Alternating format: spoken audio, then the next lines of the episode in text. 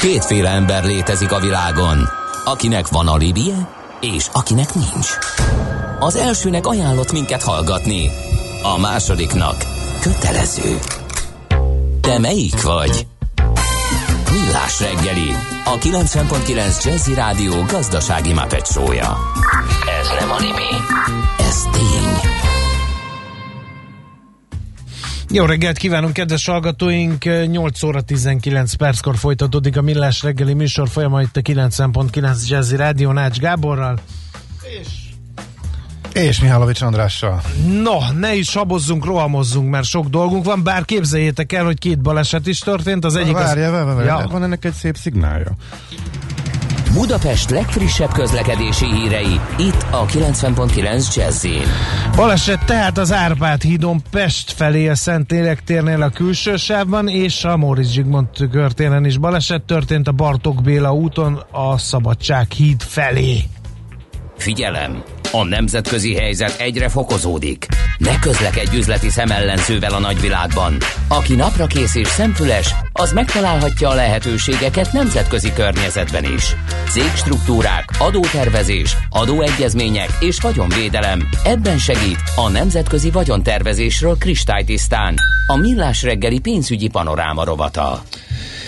Hát Hongkong volt, vagy még talán most is az Ázsiának a pénzügyi központja, de hát ott ugye turbulens társadalmi események eh, kicsit átrajzolhatják a képet. Eh, ha átrajzolják, ezt fogjuk most megbeszélni. Ebben a rovatban eh, kalauzunk dr. Magyar Csaba okleveles adószakértő, a Crystal Worldwide ZRT vezérigazgatója. Szervusz, jó reggelt! Jó reggelt, sziasztok! Először is tegyük rendben, mi bajuk a hongkongiaknak, bár most ugye nem erről szólnak a hírek, de korábban azért heteken uralta a világ sajtót az ottani tiltakozási hullám.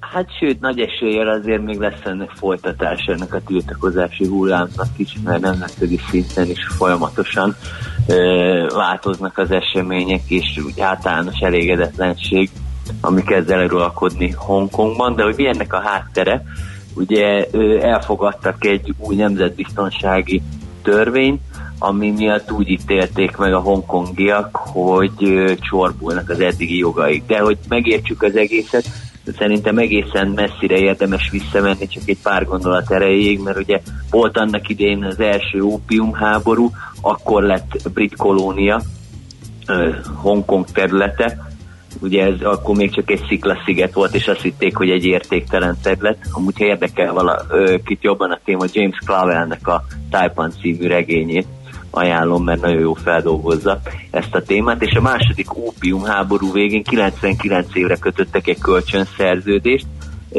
Kína és Nagy-Britannia, majd azt a 80-as években újra tárgyalták, és akkor 97-ig tudták ezt kitolni, viszont annyit sikerült az angoloknak kibuliznia, hogy ez az egy ország, két rendszer még 50 évig működjön 1997-től. És ugye 97-ben megtörtént a visszacsatolás, egy speciális adminisztratív övezetnek minősül, Hongkong, ami azt jelenti, hogy brit oktatás van, saját alkotmányuk van, igazából csak a honvédelem és a diplomácia területén kell együttműködniük. Uh-huh.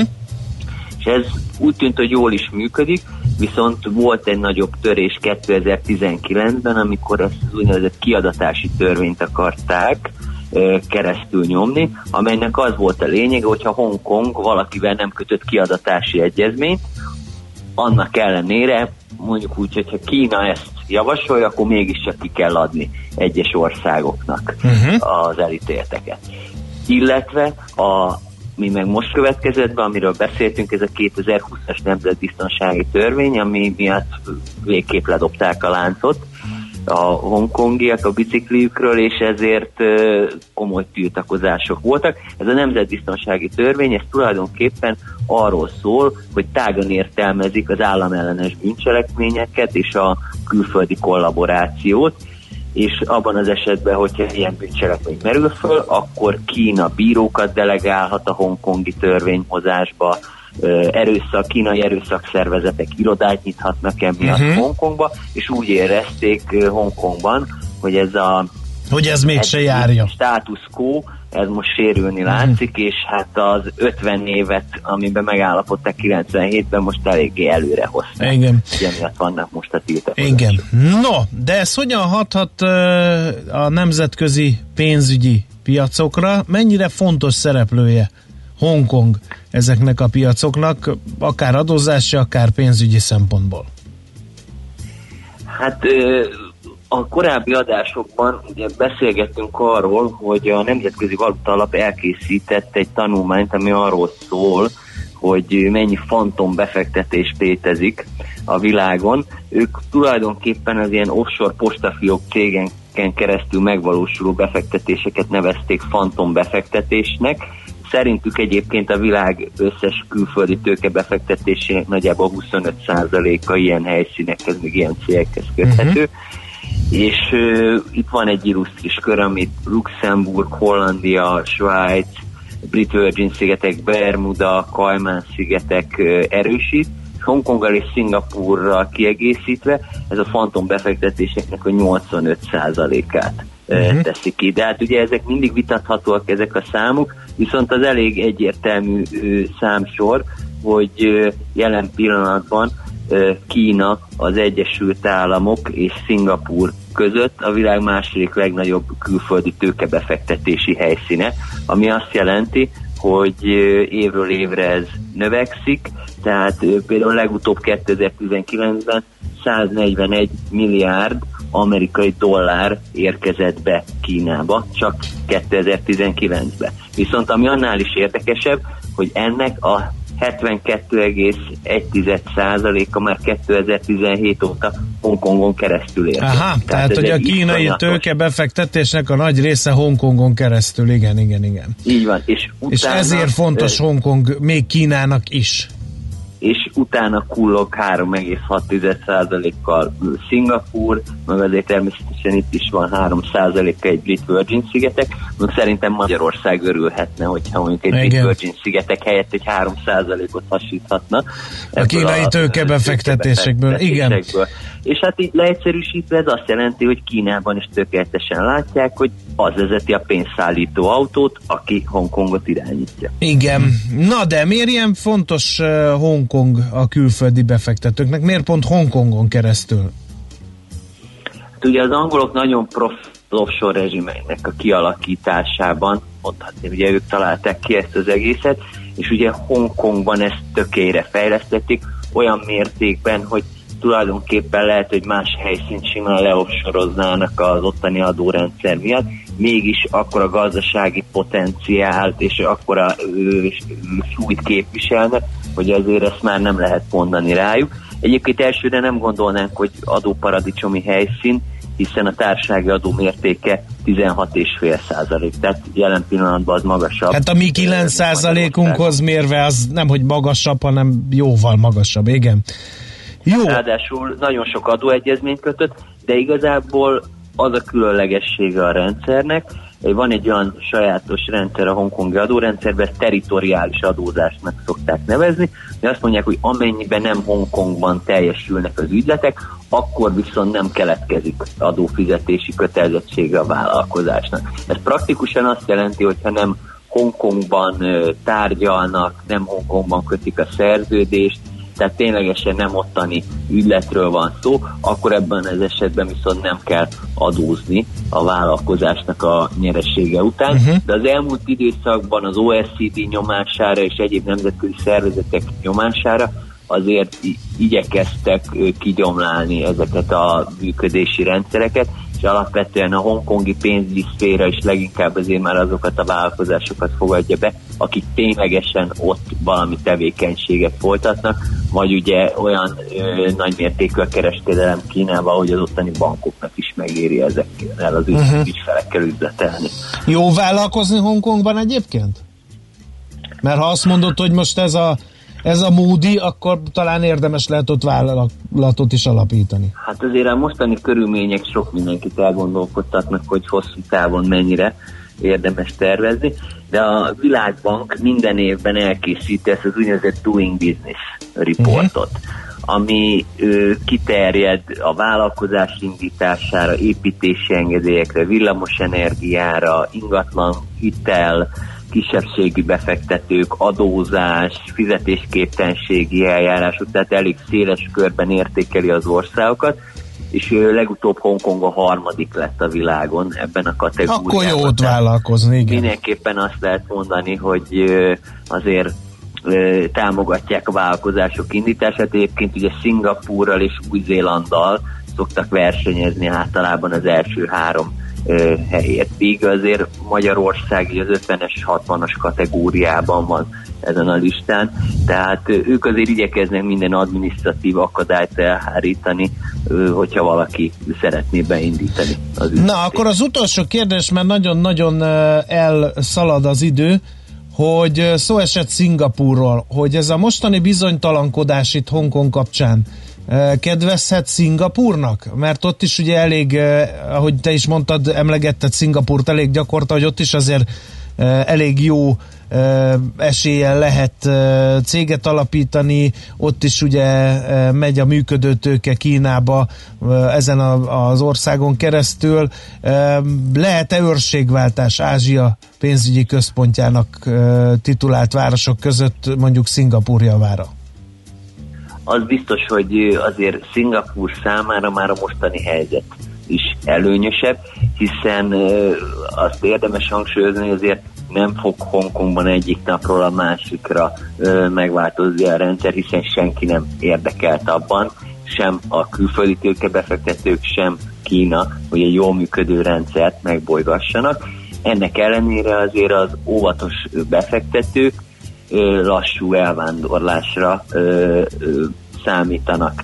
Tehát szakértőknek is az elemzését, ha nézzük, azért azt mondják, hogy jó, nem kell arra számítani, hogy most hirtelen megváltozik minden, de azért mégiscsak ez Szingapur malmára hajthatja a vizet a jelenlegi helyzetbe. Egyébként, hogyha ott azt a térséget nézzük, ott azért van több olyan helyszín, ami verseng egymással, tehát Hongkong és Szingapur mellett, ugye ott van még Kuala Lumpur, Labuán, és az elmúlt időszakban Új-Zéland is igyekezett ebből a tortából egy szeletet hasítani magának, tehát ezek mind versenyben állnak egymással a külföldi befektetők kegyeiért, ezek a helyszínek, és hát ugye ilyenkor arra várják, hogy valamelyik fél hibázzon, ha Hongkongban zavargás van, hogy nyilván elkezdik a befektetőket majd arról győzködni, hogy hát rajtunk keresztül e, valósítsátok ezt meg de hogyha valaki mindenképpen Kína felé akar mozogni, azért Hongkong továbbra is megkerülhetetlen lesz az elkövetkezendő években. Jó, akkor úgy teszem fel a kérdést, hogy Szingapur érdekes lehet külföldi befektetőknek? Hongkong mellett akkor készülve mindenre, ami hát, kamarodás lehet? Igen, hát Szingapurnak is van ugye egy adóegyezménye Kínával, tehát jellemzően itt azt is szokták nézni, hogy mennyire könnyű az adott országba befektetni egy helyszínen keresztül, de az még egy dolog, mert általában mindenki szívesen várja külföldi tőkét, de amikor a profitot szeretné valaki ö, kivinni az országból, akkor van ezeknek az egyezményeknek különleges jelentősége, és ugye emiatt Szingapúr is népszerű, de továbbra is arra kell számítani, hogy Hongkong vezető pozícióba lesz, ha csak ö, nem eszkalálódik a helyzet tovább negatív. Na de olvasom, hogy a társasági adó még magasabb Szingapurban, mint Hongkongban. Hát ott is versenyeznek ezen a fronton is, ugyanis uh-huh. Szingapurban 17% a társasági nyereségadó, Hongkongban elég látványos ott már 16 és fél, tehát egy kicsit még alá mentek, ugye ez a piacos életérzés itt már rögtön megjelenik, úgyhogy egy kicsit aláígértek Szingapurnak, de azért Szingapurban is különféle adókedvezmények vannak, tehát meghatározott jövedelem szintig lehet akár 0% is, az a nyerességadó meg 8,5 százalékig is le lehet csökkenteni, illetve Szingapurban is ismert ez a teritoriális adórendszer, amit Hongkongnál említettem, csak egy kicsit másképp működik náluk, de alapvetően, hogyha fizikailag nem érkeznek be jövedelmek Szingapurba, akkor azután sem kell adózni, de azért Szingapurban is oda kell figyelni ezekre az adóstruktúrákra, mert mondjuk amit 5-10 évvel ezelőtt a, akár a hongkongi, akár a szingapúri adóhatóságok ölbetett kézzel néztek, most már azért mozgolódnak ezen a fronton, hiszen sok támadás érte Oké, okay. na nagyon érdekes volt kicsit kikalandozni Ázsia pénzügyi központjaiba. Hála neked, köszönjük szépen az idegenvezetést Csaba. Szívesen tovább. Szép napot! Szia, szia! szia. Dr. Magyar Csaba, okleveles adószakértővel, a Crystal Worldwide ZRT vezérigazgatójával beszélgettünk Hongkongról és Szingapurról. Járj mindig egy lépéssel előrébb. Elemezzük együtt a határon átnyúló ügyleteket jogi és adózásügyi szemszögből. Emlékezz, ne tedd az összes tojást egyetlen kosárba. Ez a pénzügyi önvédelem tudománya. Nemzetközi vagyontervezésről kristálytisztán. Aranyköpés a millás reggeliben. Mindenre van egy idézetünk. Ez megspórolja az eredeti gondolatokat. De nem mind arany, ami fényli. Lehet kedvező körülmények közt gyémánt is. No kérem szépen, akkor ahogy már itt az átcsal évődve szóba került a születésnaposok kapcsán Georg Wilhelm Friedrich Hegel német filozófus ünnepelni születésnapját 1770-ben látta meg ő a napvilágot, de augusztus 27-én természetesen azért emlékezünk meg róla. Egyszer ezt mondta, aki észszerűen néz a világra, arra a világ is észszerűen néz. Ács kollégát a hegelizmus nem érintette meg, félreérthetetlen nonverbális jelekkel adta az én tudomásomra, amelyet most én hivatott vagyok tolmácsolni felétek, hogy ez szerinte nem egyéb szócséplésnél, nem igaz ez a mondás, Hegel pedig elmehet a nézeteivel együtt valamelyik más műsorba, nem ezt ahol ezt nyitottabban pontosan. fogadják ezt a gondolatmenetet. Aranyköpés hangzott el a millás reggeliben. Ne feledd, tanulni ezüst, megjegyezni arany. Műszer neked egy fal, a sebesség egy váltó, a garázs egy szentély. Zavar, ha valaki elbetűvel mondja a rükvercet. Mindent akarsz tudni az autók világából? Akkor neked való a millás reggeli autós rovata. Futómű. Autóipari hírek, eladások, új modellek, autós élet. Kressz. A vonal túlsó végén Várkonyi Gábor állandó autós szakértőnk. Szervusz, jó reggelt! Jó reggelt, nagyon boldog vagyok, hogy van térerőm. Igen, uh, ja. Hát kicsit szakadozik azért, úgyhogy reméljük azért. Régen minden jobb volt rovatunkat, akkor kezdjük el felfalazni itt a futómű rovatban is, mert hogy mi villanyautót csinált a Porsche? Villanyautót csinált a Porsche, illetve... És beleültél, mi? Plug-in hibrid terepelőt csinálják a Ford, és ezt a két dolgot próbáltam ki az elmúlt két napban. Hangsúlyosan egyébként Szégyed magad. Kezdeném. Jó, szerintem fejezzük be. Igen. De hát ez... Na várjatok, azért ezt tegyük hozzá, hogy normális esetben ugye ilyen autóbemutatókra az ember autós újságíróként viszonylag gyakran tud járni, most meg ugye nagyjából fél éve semmi ilyesmit nem. Ja, mi sajnáltatja magát, figyelt, ez nem, semmi Na, de ne vegyük el a jó, szakmai tartalomtól Na az jó, időt, figyel. tehát akkor mondjad el, hogy mit tudnak nem, ezek nem, a nem. vasak. Akkor most már mondd el, hogy hol volt. Mi a helyszín? A Hockenheim volt az egyik helyszín, és Vislán vagyunk jelenleg is Lengyelországban, és hát ezeket az ilyen helyi szintű, vagy hát ilyen kelet-közép-európai szintű bemutatókat valószínűleg jobban fogják a jövőben erőltetni a repülgetés helyett. Uh-huh. Úgyhogy de ez egy ilyen szép autentikus környezet az új Explorer kipróbálására, ugyanis azért fogom ezzel kezdeni, mert az európai piac, az európai piac alakulása szempontjából egy nagyon szép példája annak, hogy merre megyünk tovább a széndiokszid kibocsátás kapcsán, hiszen plug hibrid autó, mint azt már sokszor elmondtam nektek, képes arra, hogy a 95 grammos limitet vissza könnyen uh, tudja hozni. Uh, azért, mert ugye a tisztán elektromosan megtett kilométerek nem számítanak semmilyen széndiokszid kibocsátási uh, kóta szempontjából, ezeket ugye lényegében zéróval számolják, és hát uh, egy ilyen viszonylag drága autóba, ugye a plug-in hibrid drága technológiája könnyebben elfér, mint egy kis autóba, és így történhet meg az a lakás, hogy a szerintem rossz szabályozás miatt, de ez nyilván egy hallgatókkal történt SMS csatában is megvitatható lehetne.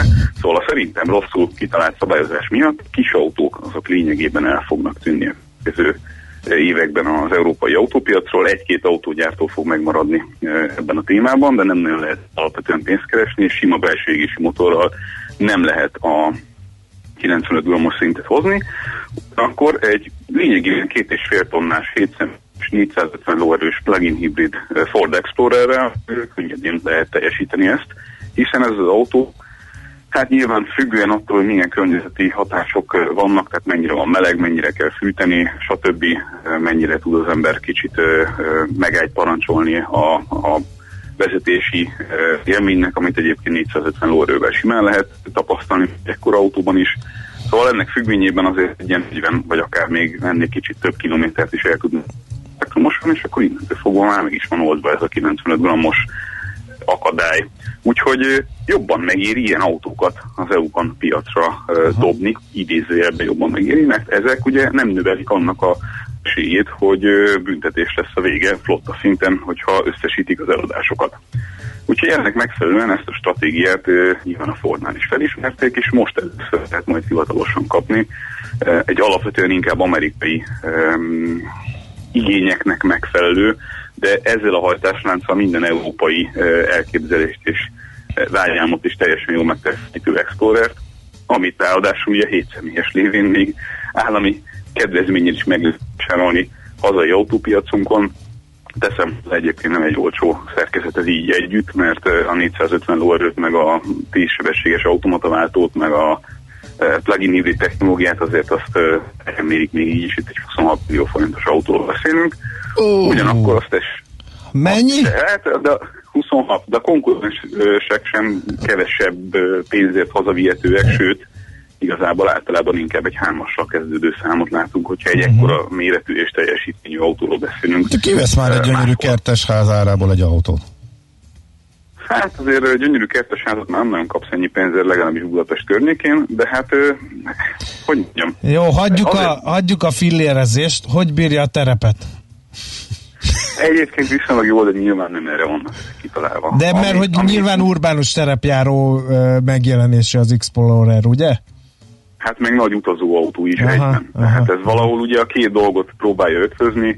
Ugye általában ez a kategória a megszűnő egyszerűek űrjét is próbálja valahogy kitölteni. Ugye, ugye a nagy egyterű, mint kategória, hogyha most a Fordot nézzük például a Galaxy esetében, egy olyan kategória, ami darabszám szempontjából folyamatosan és gyorsan zsugorodó piacot jelent, ugyanakkor a nagy terű autókra, tehát az olyan autókra, amelyek mondjuk akár hét személlyel is lehet utazni, arra azért szükség van továbbra is, és az látható, hogy minden autógyártó inkább ebbe a SUV kategóriájukba próbálja elvinni az ügyet, hiszen itt maga a kategória egyből egy 20%-kal drágában értékesíthető ö, autót feltételez, Igen. és ezt szívesen ki is fizetik a jelek szerint a vásárlók. De miért? Én ezzel tényleg nem értem. Tehát ebből az árból veszek három CRV-t, és akkor van 15 férőhelyem a hét helyett.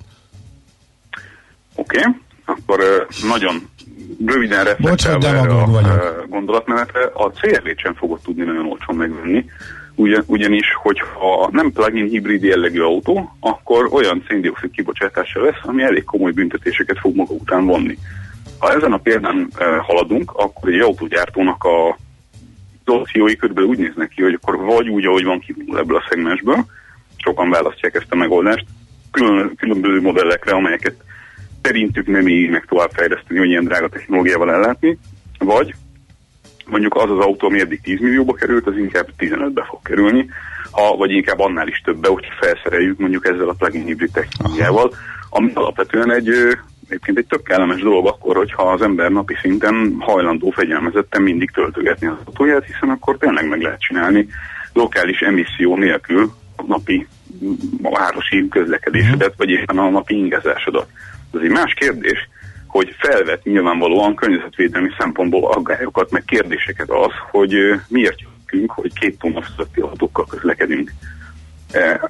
Én valószínűleg inkább úgy húztam volna meg környezetvédelmi szempontból a kedvezőnek számító autóknak a szabályozását, meg a határait, hogy valami fajta súly, méret, magasság, vagy bármi ilyesmi korlátot is beletettem volna ebbe a képletbe. Jogos egyetértünk, igen. Hiszen annak semmit értem, egy papíron környezetbarátabb, de valahol mégiscsak ha egyszer majd az is megy bontóba, meg ilyesmi, mégiscsak környezetszennyezőbb történet jön létre. Én értem ezt. Na, de figyelj, az ágy szőrszál hasogatása miatt, ha nem marad idő a tájkánra, mérges leszek. Hát a tájkánról is uh, ejtsünk egy pár szót, ugye ez az a első... Porsche meg olyan... minek gyárt ilyet? De tényleg, hát ő eladja magát, nem? Egy státuszszimbólum, és aki Porsche-t vesz, az az szeret gyorsan menni, még pénze is van, most minek villanyautózunk itten? Hát egyrészt azért, mert uh, nyilvánvalóan ez egy olyan trend, amiből egy ilyen márka nem tud kimaradni, nem, nem, nem akarhat kimaradni.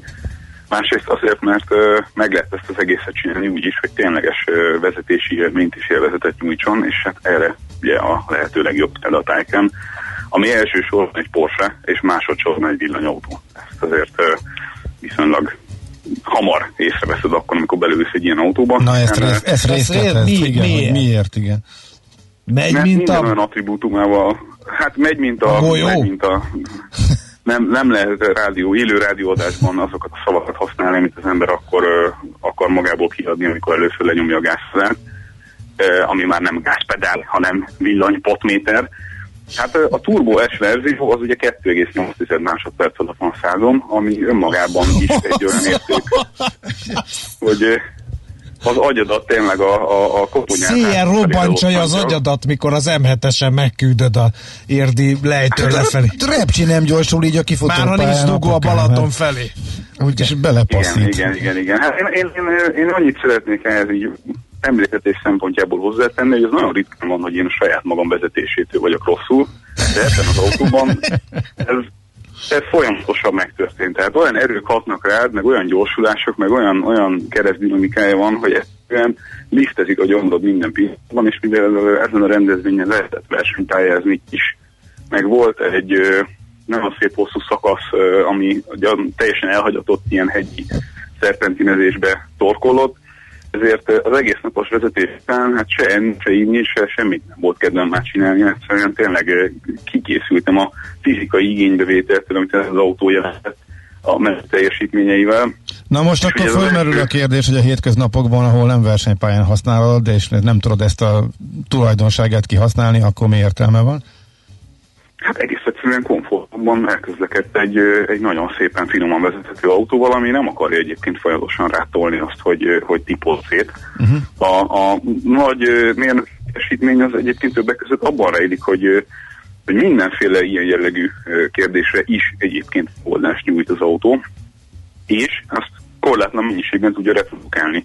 Tehát a villanyautóknak van egy olyan tulajdonság, hogyha ha folyamatosan uh, tiprod, akkor nem tud mondjuk uh, tízszer egymás után olyanok, ugyanolyanokat gyorsulni, mert az akkumulátor elkezd hevülni, nem tudja leadni ezt a teljesítményeket, alapvetően lássuk be, hogy az emberek nem arra használják a polgári uh, célra létrehozott villanyautóikat, hogy, hogy egymás után gyorsulgatnak végtelenszer, tehát ez nem egy fontos szempont a Porsche-nál, ugye akkor egy autót úgy kell megtervezni, hogy mindig mindent tudjon minden alkalommal, akárhányszor pont ugyanúgy.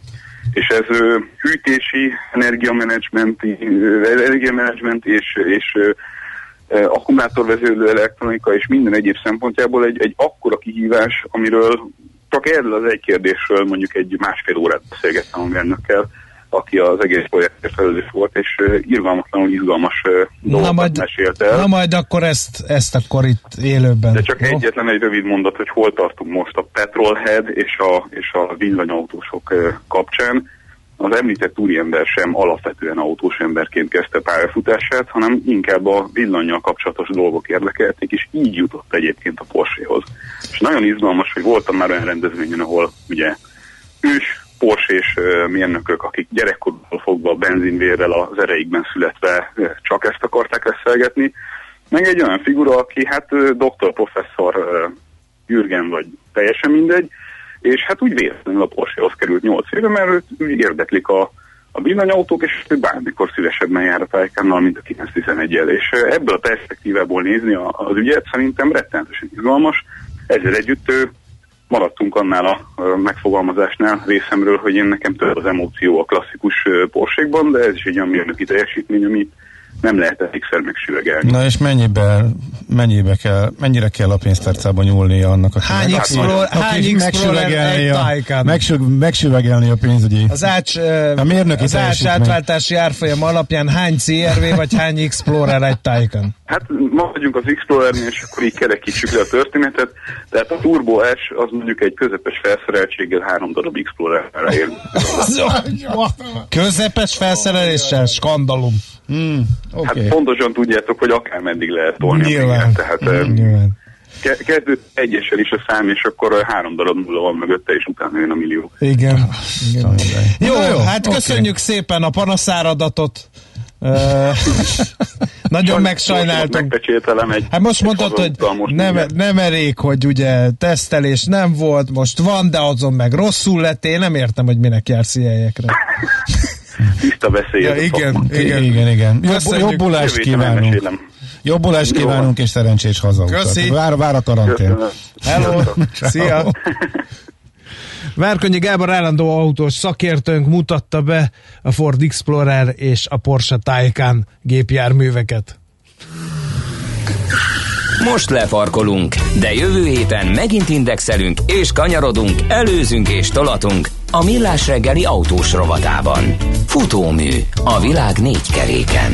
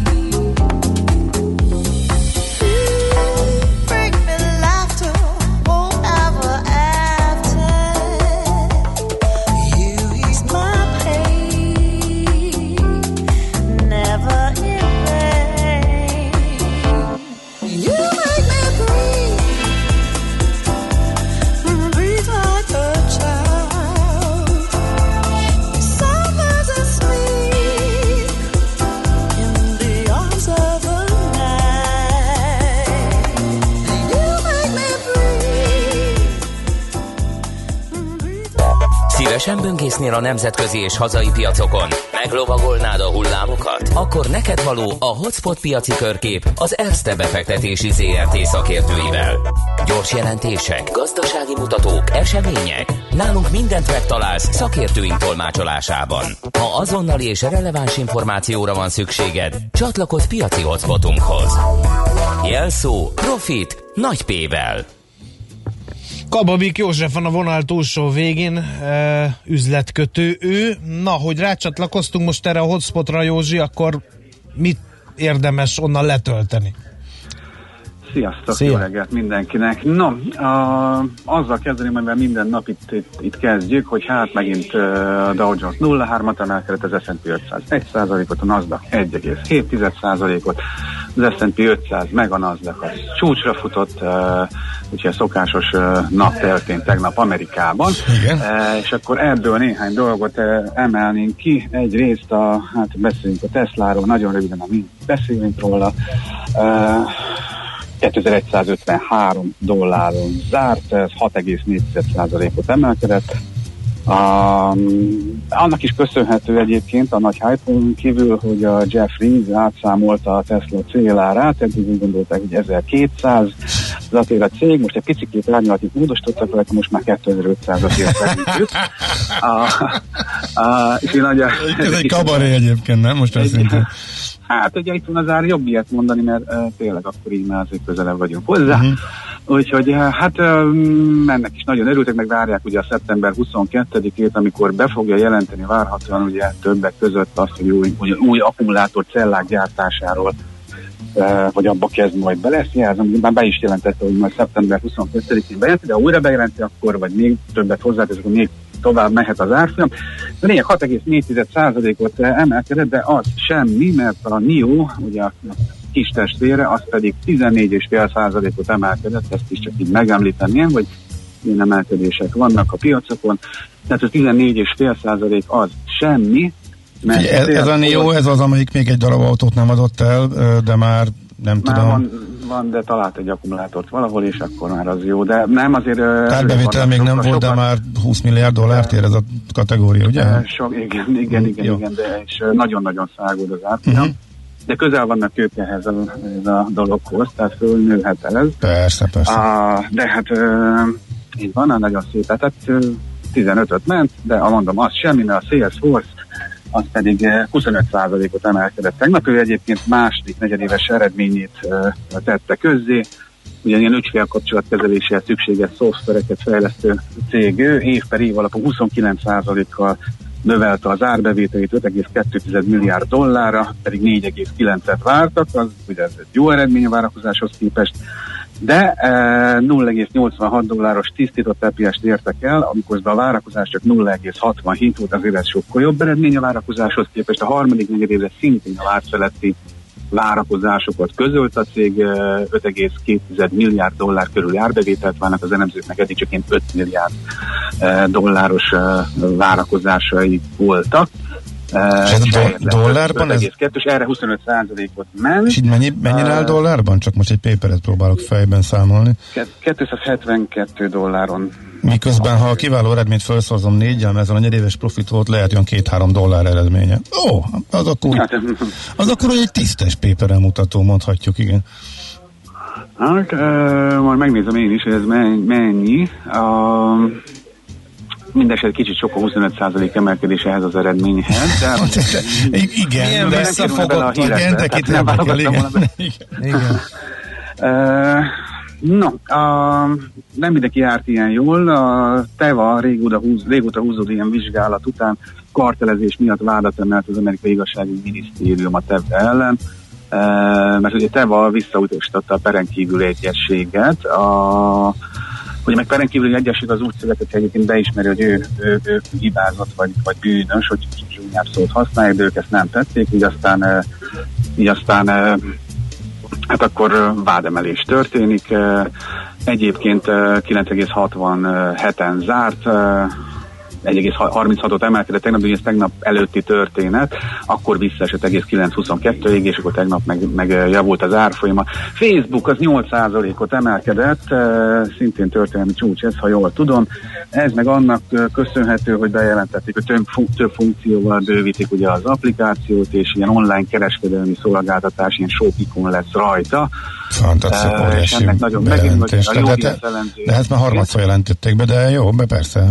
Nem áll többször, mert akkor mindig emelkedik az árfolyam, uh-huh. és akkor az, sokkal. A UBS elemzője is rögtön uh, 242 dollárról, ő is átszámolt, egy picit korrigált rajta, és most már szerint a 330-at ér a papír, úgyhogy akkor még mindig van emelkedés. A Starbucks az uh, Először emelkedett 5%-ot, mert 78-ról 90 dollárra emelték az egy, a célárát. Azzal az indokkal egyébként, hogy a menedzsment gyorsan meg ügyesen reagált a koronavírus miatti lezárásokra. Hát ugye a Starbucksnak nem olyan ez a koronavírus dolog, tehát valakinek rossz az például neki. Egyébként utána meg mínusz 0,3-at uh, esett, tehát fölment a jelentés, aztán meg visszaesett. American Airlines, sietek gyorsan, American Airlines uh, uh, 19 ezer fős leépítés jelentett be októberre. Ugye akkor fog ki ez a kormányzati program elvileg, hogy itt ugye mindenféle bértámogatás van. Azt mondták, ez megszűnik, akkor ők már lépnek is, 19 ezer fős leépítés. Uh-huh. Lesz a Delta Airlines, ő pedig 2000 főt küldene szabadságra októbertől.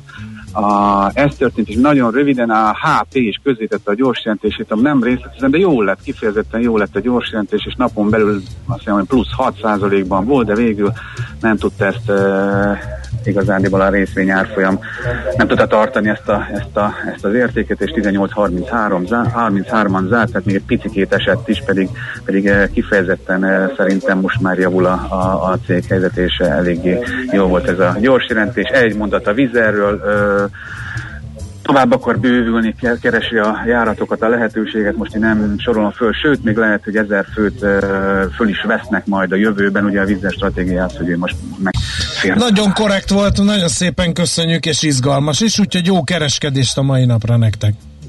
Köszönjük, sziasztok! Szervusz, szia! Kababik József üzletkötővel beszélgettünk.